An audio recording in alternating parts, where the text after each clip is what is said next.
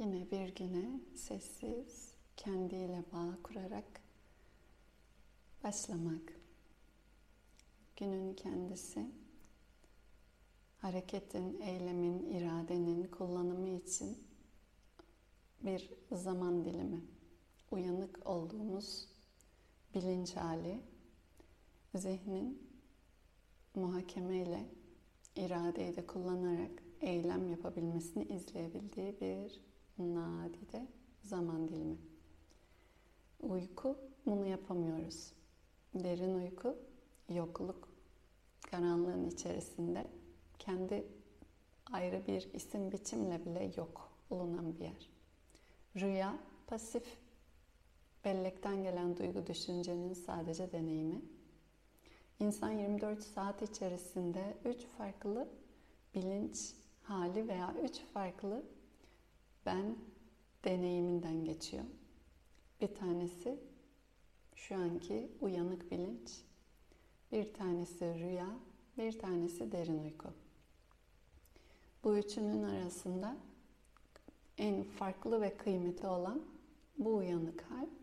Çünkü demin dediğimiz gibi iradeyi de eş zamanlı farkındalığı da ve zekayı karar verme becerisinde daha aktif kullanabildiği an. Bu yüzden konuşmalar en son bıraktığımız yer karma başlıklı konu üzerineydi. Karma eylem demek. Eylem üzerinden icraatın, fiilin bıraktığı iz aynı zamanda sonuç demek. Hem icraat hem de onun bıraktığı deneyim diye bahsetmiştik. Eylemi kim yapıyorsa elbette ki deneyim de onun olacak. Eğer yemeği ben yiyorsam yemeğin tadını da ben alacağım. Dolayısıyla tat almanın kendisi deneyim olarak tanımda şu an günümüzde daha çok bilinse de karma yaşanılan yani hisler veya duygular geçilen o deneyim silsilesi ardında aslında şunu vurgulamaya çalışır. Her deneyimin ardında bir icraat var. Bir eylem var. Deneyim eylemden ve icraattan ayrılamaz. Ve bu deneyimle icraat ilişkisini kuran da icracı var. Yani eyleyen kişi, özne. Dolayısıyla bu konu başlığı aslında kişinin yaşadığı deneyimler üzerinden nerelerde nasıl aktif bir irade ve eylem ben olarak gösterdiğini kendine açık eden bir deney alanı ya da bir veri alanı. Şu anda yaşadığınız özetle deneyimlerinizin her biri bir zamanlarda içerisinde ya da şu anda da halen veya gelecekte de ihtimalinde eyleyen olduğunuzu unutturmasın size.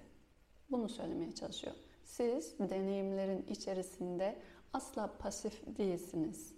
Her daim her deneyimin bir parçasında aktif iradesiniz. Karma dolayısıyla pasif bir öğreti değil, muazzam bir sorumluluk ve aktiflik veren bir aslında felsefe. Böyle bakınca şu an demin konuştuğumuz o gündelik uyanık zaman dilimi iradeyi kullandığım, eyleyen olduğum aynı zamanda deneyim alanı olarak elbette tek an diğer üçü içinde. Derin uykuda ikisi de yok. Ne deneyim var ne icracı olma hali var. Rüyada icracı olma yok ama deneyim var sadece. Öyle bakarsanız sadece deneyimi tüketme anlamında rüya da bir karma, biçme yeri denilebilir. Ama onu yeniden dönüştürme anlamında icracılık gündelik uyanık zaman dilimi. O yüzden bu zaman dilimi kıymetli. Çünkü gelmiş olan deneyimler silsilesinde aktif bir rolle özgür denilecek bir irade varsa burada saklı. Bununla geleceğini veya deneyim zincirini belirliyor her ayrı birey, tekil irade.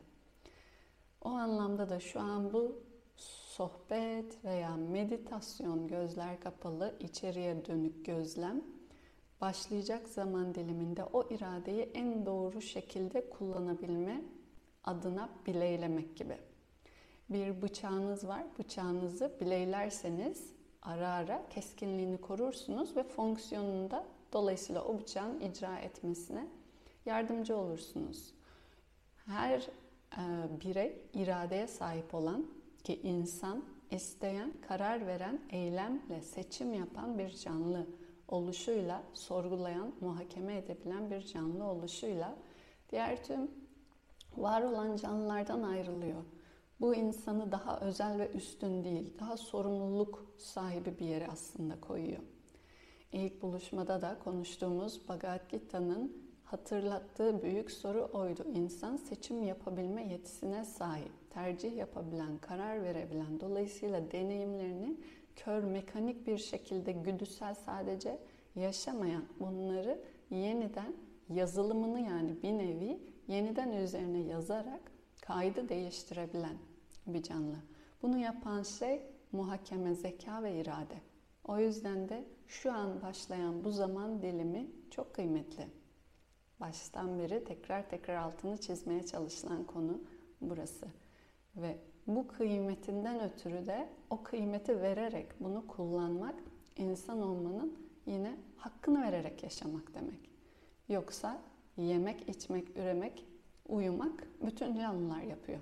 İnsan ama soru soruyorsa insan olarak yaşamanın hakkını vereceksek muhakeme ile seçim ve kararlarda muazzam bir sorumlulukla yaklaşmak burayı ayıran şey. O zaman deneyimler kör bir şekilde gelmez. Farkındalıkla gelir, kabulle gelir. Çünkü eğer bir eylemin icracısı olduğunu biliyorsanız, biliyorsanız burası önemli olan altı çizilecek 5-6 kere biliyorsak o zaman gelen sonucunu da kabul edebiliriz. Karma yoga yaklaşımı beraberinde aslında bir eylem içerisinde icraatı yaparken ben ve benim dememek ve aynı zamanda bu şuur muhakemeyle en geniş büyük bakışla icraata girebilme mahareti ya da yetisiydi. O zaman siz deneyimlerinizin kör ve güdüselliğinden çıkabilirsiniz. Aksi takdirde ağzınıza öylesine attığınız bir çikolata sonra yarın sizi tekrar e, içerisine düştüğünüz bir çikolata açlık krizine sokabilir. Örnek bunlar. Ve sonra o tekrar bir yerlerden başka bir güdüsel eyleme götürebilir.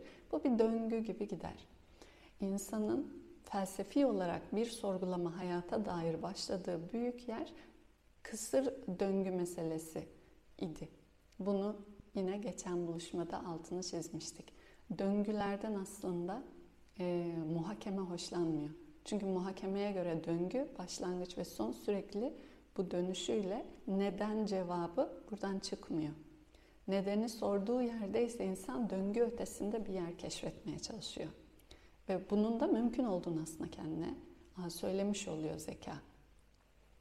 Bu anlamda şu anki deneyimlerini sorgulayan varsa her birimiz herhangi bir anda niçin bu deneyimin içerisinde bu canlı, bu deneyimi gören ve bilen olarak olduğun sürece orada deneyimi öyle var.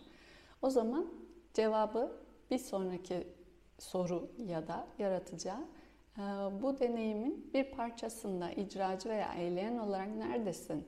Ne şekilde bir eylemle dönüşüme dahil edebilirsin? Veya ne şekilde bu deneyim üzerinden tutunma ve kendi kurduğun birilik halini belirlemektesin. Bu deneyimde e, dolayısıyla arzu ve istek yani istememenin ikiliğini olumlu ya da olumsuzluğu aslında deneyim dediğimiz şey iki parçalı kendini gösteriyor. Bunlara bakarak iradeyi nerede ne şekilde kullandığını kendine ifşa edebilir herkes. Ve buradan da alıp daha geniş bir bakışla, bütüncül bir bakışla görüş bu ikilikli, güzel ve çirkinli deneyim skalasını daha nötr ve daha uyum ve ahenkte bir yere belki evriltebilir. İrade beraberinde muhakeme, beraberinde farkındalık ve bütüncül bakış o zaman deneyimlerin de kısıtlayıcılığından çıkartmak, güdüselliğinden ve döngüselliğinden çıkartmaya yardımcı olabilir. Karma ve karma yoga başlıklı konular bunları hatırlatmaya çalışıyordu. Peşi sıra 8. bölüme gelmiştik. 8. bölüm yaklaşırken meditasyon başlığından 6. bölümde konuştuk. Meditasyon zihnin aslında o bütüncül bakışta odağını tutan, dikkati ona yönelten çabanın, çalışmanın ismiydi. Kitap öyle anlatmıştı. Biz şimdi şu an aslında bir nevi kol kası geliştirmek gibi nefes üzerinden bir zihnin odaklanma kasını geliştiriyoruz. Eğer ki sizin bir şeye odaklanabilecek güçte, yetkinlikte bir zihniniz varsa mesela o zihni sonra sürekli bu bütün algısında odakta tutabilme becerisi. İnsan bunu çünkü çok kolay yapamıyor. Her an kendisini ve gördüğü görüşü sadece bütün, sadece o kadarcık bir manzarada hapsedip kendini kalabiliyor. Daima o geniş bakışa kendini çekebilecek bir dikkat ve hatırlama becerisi. Altıncı bölüm böyle anlattı ve bunun içinde tekrarlı çalışma yapılması gerektiğini söyledi. Sonuçlar üzerinden de her ne geliyorsa nesne ile kurduğum ilişkiye dair deneyimde cevap, iz, onlara tutunmayan, benlik ve kimlikle sadece o tekil bakışla sınırda, hapiste kalmayan bir bakışla bakmayı da hatırlatmaya davet etti. Vairagya o arzudan öte yani ben ben ben ben ve buna bağlı olarak tanımladığım sen sen sen kısıtlı ikileminden çıkıp sadece orada bir sen. Bu benim ne istediğinden bağımsız bir varoluş olabilir. İlla ki her gördüğüm nesneyi güzel ya da çirkin diye iki kategoriye koyarak ben buna bağlı olarak ne derim? Yani onlar benim arzusuna göre bir kategoriye yerleşerek görmek zorunda değilim. Dünyayı sadece bu referanstan sadece ama bu referanstan evet görüyoruz ama bunu o sadeceliğe indirmek kısıta düşmeye başlıyor. Öyle baktığınızda bir kavanoz ya da bir dağ ya da bir ağaç sadece var olabilir. Güzel ve çirkinden bağımsız. Bu anlamda vairagya nesneleri oldukları haliyle senin zihninin arzu ve istek renklendirmesine, boyamasına girmeden görebilme becerisi ve yetisi demek. Tutunmama, bağlanmama gibi çevirileri olsa da daha derininde bu. Yoksa her şeyi bana göre diye değerlendirerek bir atıf veya sıfatlandırmaya giriyoruz. Bu da ne kadar kısıtlı bir bakış. Ve bu devamındaysa elbette o güdüsel eylemi getiriyor. Tekrar başlıyor karma döngüsü. Buradan yeniden aynı başladığımız konuya geri bağlamış oluyoruz. Bu ben, bene bağlı kurulan arzu ve istek, ona bağlı atfedilen değer nesneye, onunla kurulan sonra eylem. Buna bağlı getireceği bir deneyim bana. Tekrar ben değer vereceğim. Ben dediğim tanıma göre yeniden güzel çirkin, sonra tekrar eylem, sonra tekrar o bana deneyim verecek, yine bana, ben referansında değerli. Ben, ben, ben, ben, ben, ben diyerek böyle bir e, kısıtta veya sınırda hayatı kurmuşluğumuz devam ettiği sürece kısıtta kalan dünya deneyimi de ona bağlı olarak da ikili ucuyla güzel çirkin olumlu, olumsuz, kayıp, kazanç devam edecek. Ve bu bir kısır döngü. Bu yüzden burası problem. Ölüm meselesine sonra 8. bölümde buradan geçmişti. Çünkü Arjuna buradaki öğrenci sormuştu. Eğer ki bu yolda bunun için bir gayret gösteriyorsa zihin ben ben demekten ziyade geniş bakışla, görüşle Sadece o arzu ve istek üzerinden değil, olduğu haliyle de olanı görebilecek bir genişliğe davet etmeye çalışıyorsa kendini. Ola ki bu yolun esnasında hayat, ömür dediğim şey biterse ne olacak peki o zaman? Cevap Krishna buradaki öğretmenin verdiği hiçbir şey yoktan var olmaz, vardan yok olmaz. Nesne veya maddenin doğası enerji, enerjinin doğası ise dönüşüm. Dönüşüm var olan bir formdan bir başka forma doğru evrim. Böyle deyince e, gaz nasıl ki yoğunlaştığında su olur, yoğunlaştığında buz olur veya katı olur. Isıtırsam buharlaştığında su olur, tekrar gaz olur. Form olarak fiziki görüntüsünü kaybedebilir ama enerjiyi içeride korur. Sadece biçimini değiştirir. Bu bütün yaratılış için geçerli. Gözünün görmediği bir deneyim yokluk demek değil. Budaki konuşmayı ölüm mevzusunda yapıyordu. Ölüm dolayısıyla kitabın anlatmaya çalıştığı 2500 yıllık bir tarihi var bu kitabın. Bir mesaj daha da öncesinde sözlü tarihle de devam ettiği, aktarıldığı biliniyor. Dolayısıyla 3000-4000 yıla kadar e, hikayenin geri git götürebiliriz. Aktardığı şey şu ki bir katı form olarak görünüre çıkmış olan katı formu kaybettiğinde aslında bu ki bir enerji e, sadece biçim değiştirir. Yokluk maddeye dair konuşulabilecek bir şey değil. Yokluk dediğimiz şey eğer ki diyelim bu oda için konuşacaksam bu odada bir şeyler yok, yok diye bir sıfatla odayı anlatmaya çalışırsam kastettiğim aslında odanın nesnesizliği olur. Ama yokluk diye odaya atfettiğim şey aslında odanın olduğu halidir. Onun adı boşluk ya da uzay. Boşluk ya da uzay nesne değil. Nesne olmadığı için de göze görünmez. Ancak boşluk ya da uzay tüm nesneleri gösterir. Boşluk ya da uzay olmadan hiçbir nesne de hacim alarak bu odada görünmez, görünürlüğe çıkamaz. Enerjinin kanunu fizik içinde, tüm madde içinde, derin kuantum fizik konuşması da başlayabilir burada. Onun da söylediği benzer yer. Ama biz yoganın Bhagavad Gita felsefesiyle açıklamaya çalışalım. Nesne deneyime girmiş olan demek. Deneyimleyen ise her zaman bir nesnenin deneyime girmiş olanın görünüre çıkması için elzem öncül gerek. Yani özne. Görme halinin kendisi bu bende. Ben olmasa hiçbir görüntü bahsettiğimiz yine geçen buluşma bir gerçekliğe sahip değil. Göz olduğu için görüntü var. Gözü ortadan kaldırın, bütün görüntüler siliniyor. Göz neyle görüyor? Işıkla.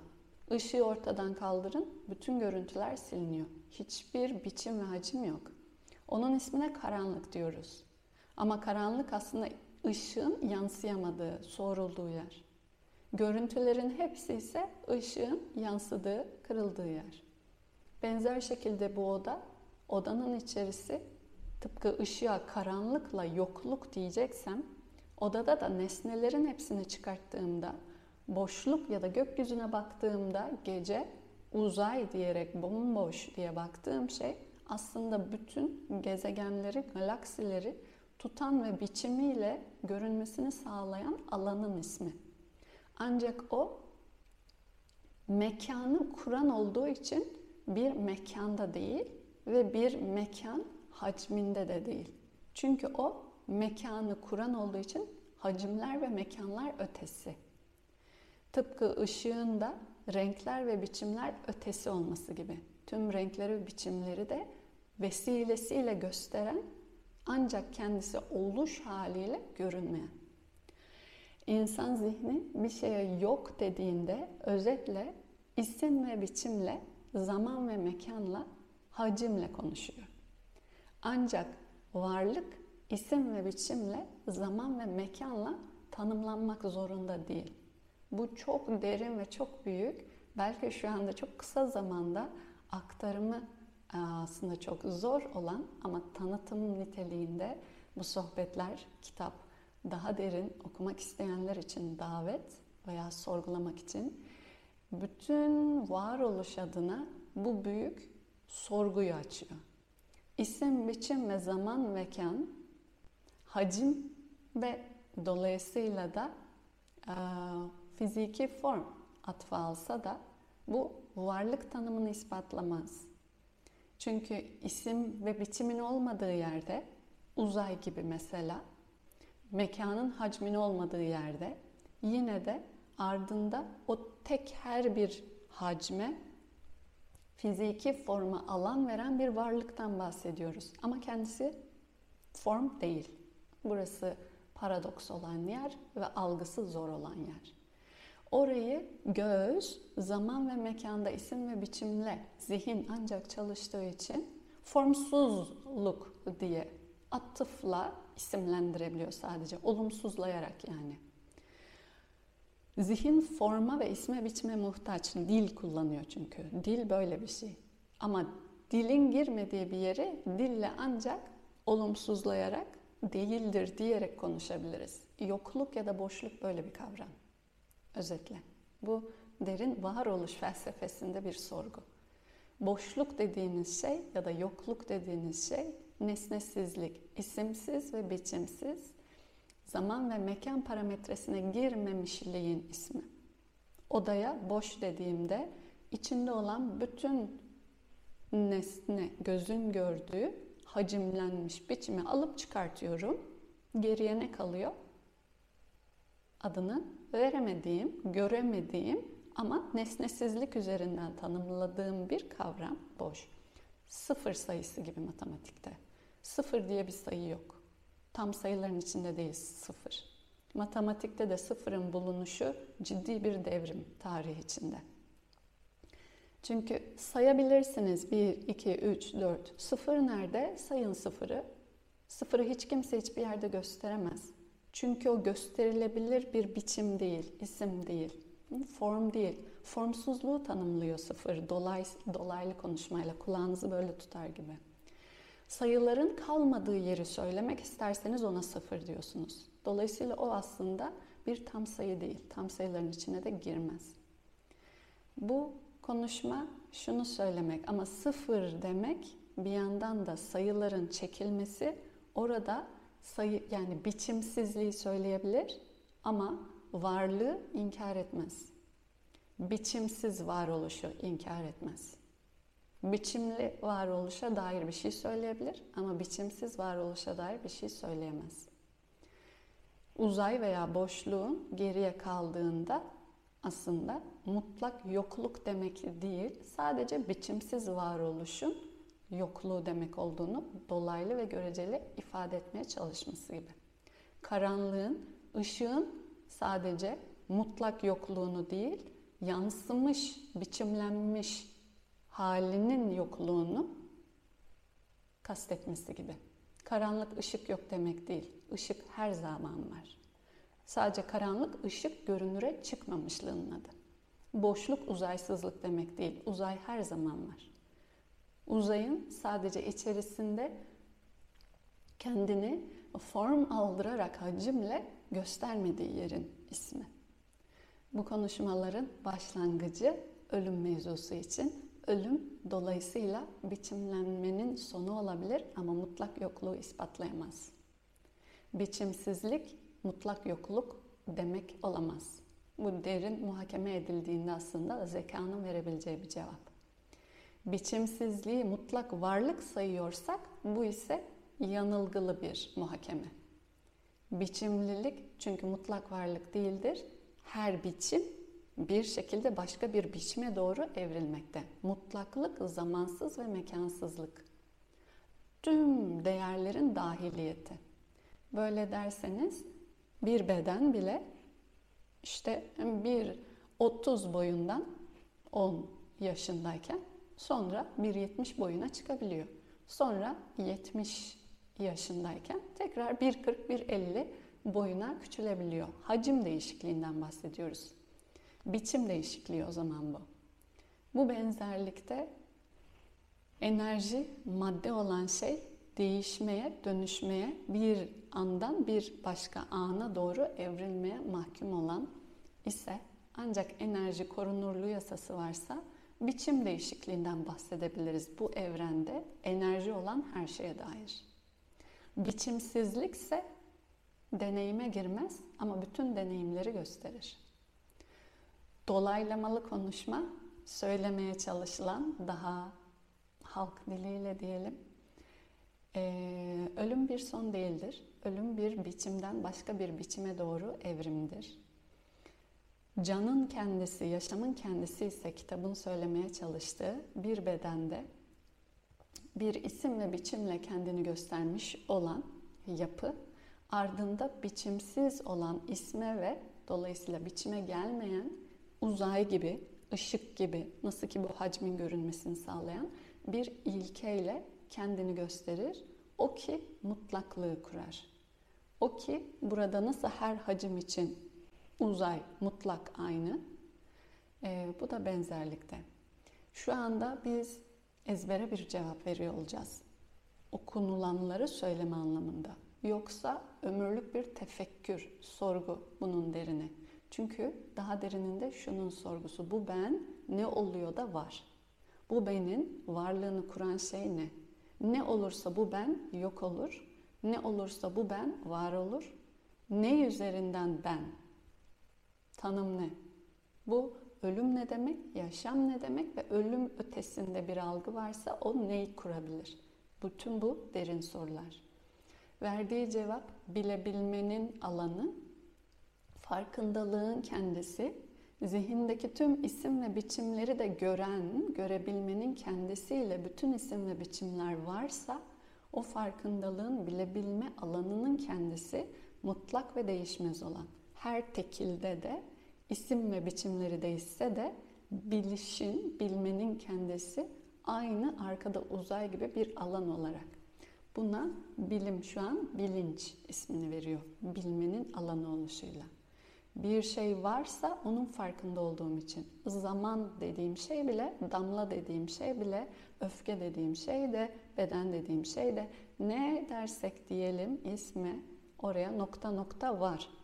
Herhangi bir şeye varlık atfedin. Onu bildiğiniz için var. Bilmekten kastım sadece nesnel bir biliş değil, bilincinde olmak, farkında olmak.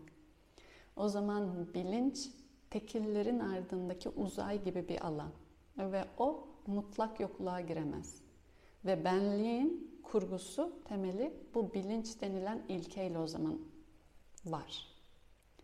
Üzerine gelen her görüntü ise ışığın saf ışıklığında var olup belli bir kırılmaya girdiğinde kırmızı, sarı, yeşil diye forma girmesi, görünürlüğe girmesi gibi tüm isimler, biçimler böylesi formlar. Bu konuşma diyor ki Arjuna'ya kitap, ölüm diye bir şey bu varoluşta mümkün değil. Yokluk diye bir şey mümkün değil. Çünkü bu varoluş nihai varlık ve varoluşla zaten var.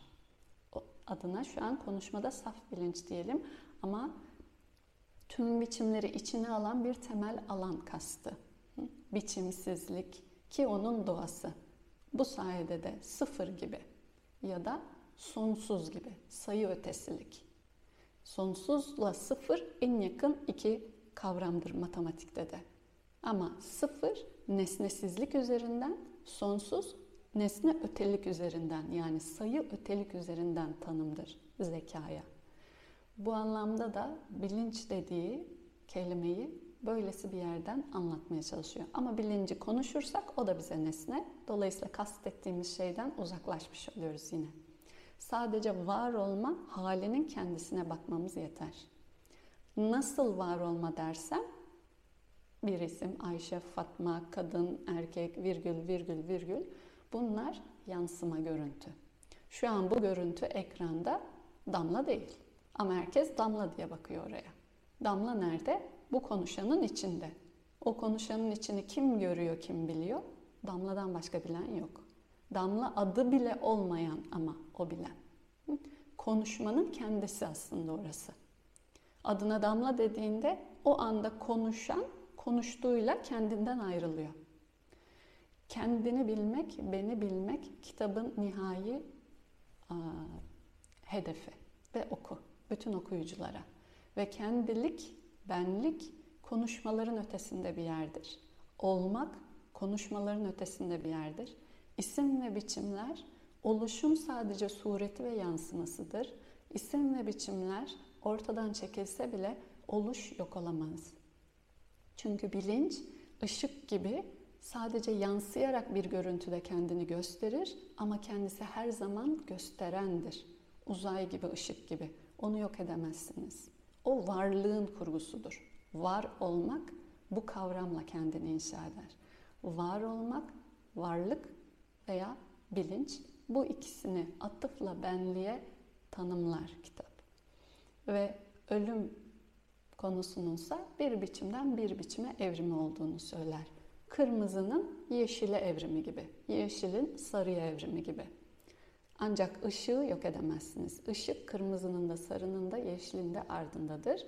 Zaten olmayan şey aslında kırmızı, yeşil ve sarıdır.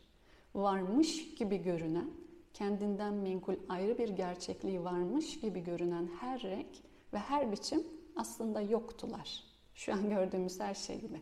Hepsi aslında ışık. Bu yüzden ışık gittiğinde de hepsi yokmuş gibi oluyor, karanlık. Halbuki nihai olan ilkenin ışık olduğunun burası ispatlatmalı ve nesnenin kendinden menkul gerçekliği olmadığını.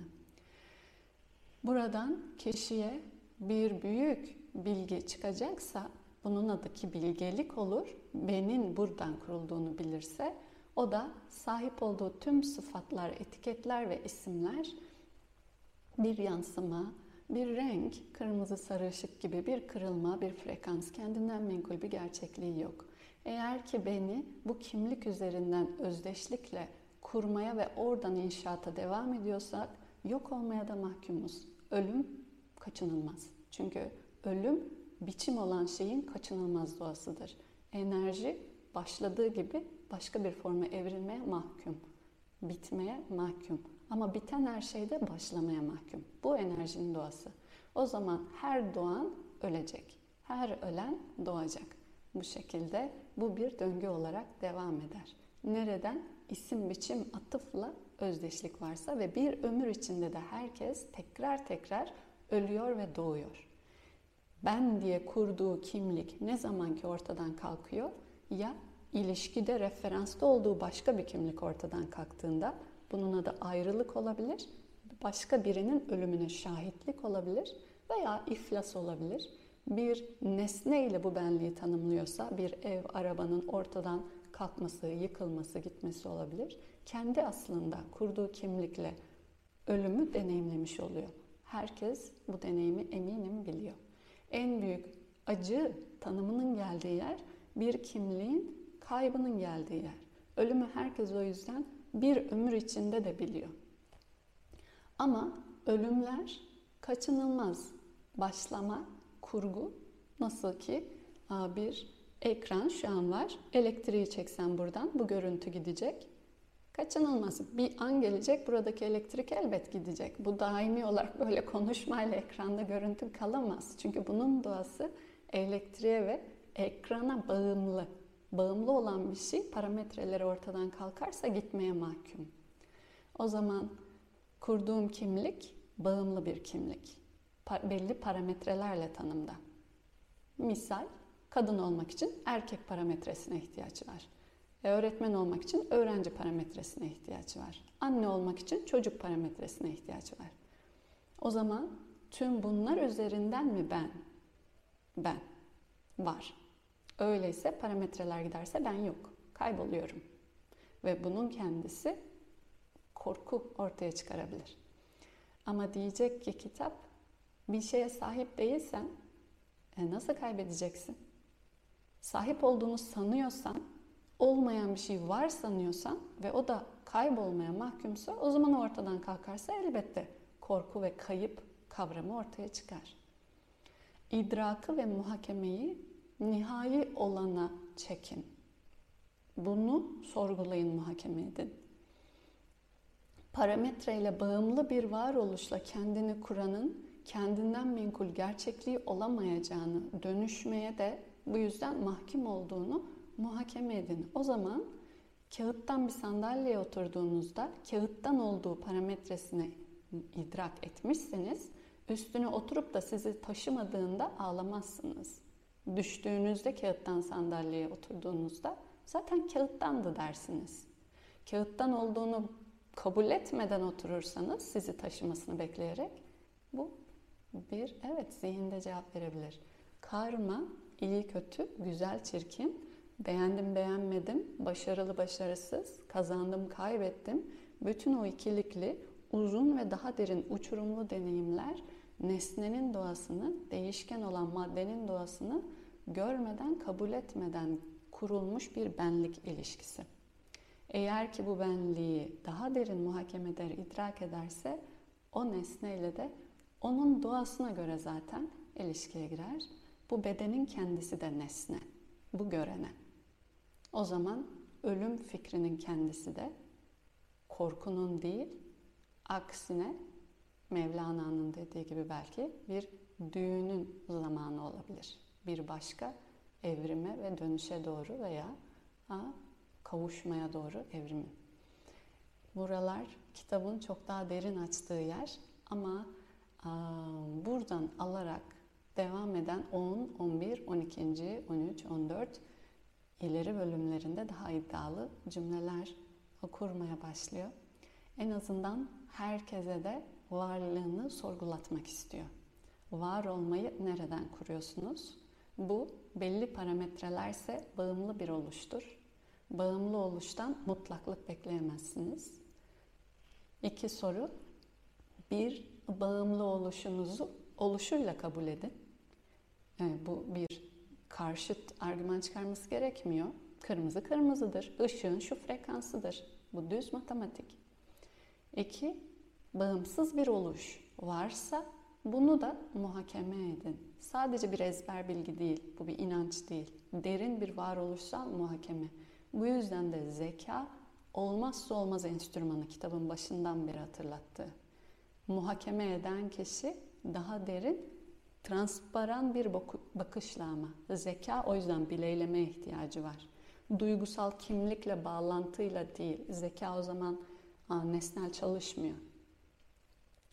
Bu anlamda tekrar tekrar o muhakemeyi ve tefekkürü gören nedir, görüntü nedir, bakan nedir, bakılan nedir, değişken nedir, değişmeyen nedir, zaman ve mekan nedir, sıfır ne demek, hiçlik ne demek, yokluk ne demek, ee, ölüm ne demek, doğum ne demek, bütün bunları aslında her an sorun, sorgulayın insan olmanın yetileri, becerileri ve bu bedende olma. Çünkü bu hediyelerle o zaman insan olarak doğum ve ölüm belki o insan olmanın, yaşamın ardındaki prensiple daha derin bir bağ veya kendini bilmek diyelim. Vadi ise özgürleşmek. Böyle bakınca bağımlı varoluştan çıktığınızda çünkü bağımsız oluş kendisi adı üstünde bağımsızlık, özgürlük demek. Bugün için burada tamamlıyoruz. Gelecek ders bir hatırlatıcı olarak buna yardımcı olacak kavramları 10. 11. bölümde aşk denilen bir kavram üzerine konuşmaya başlayacak. Cüzi ve külli belki sayacaksak. Ee, herkese teşekkür ederim.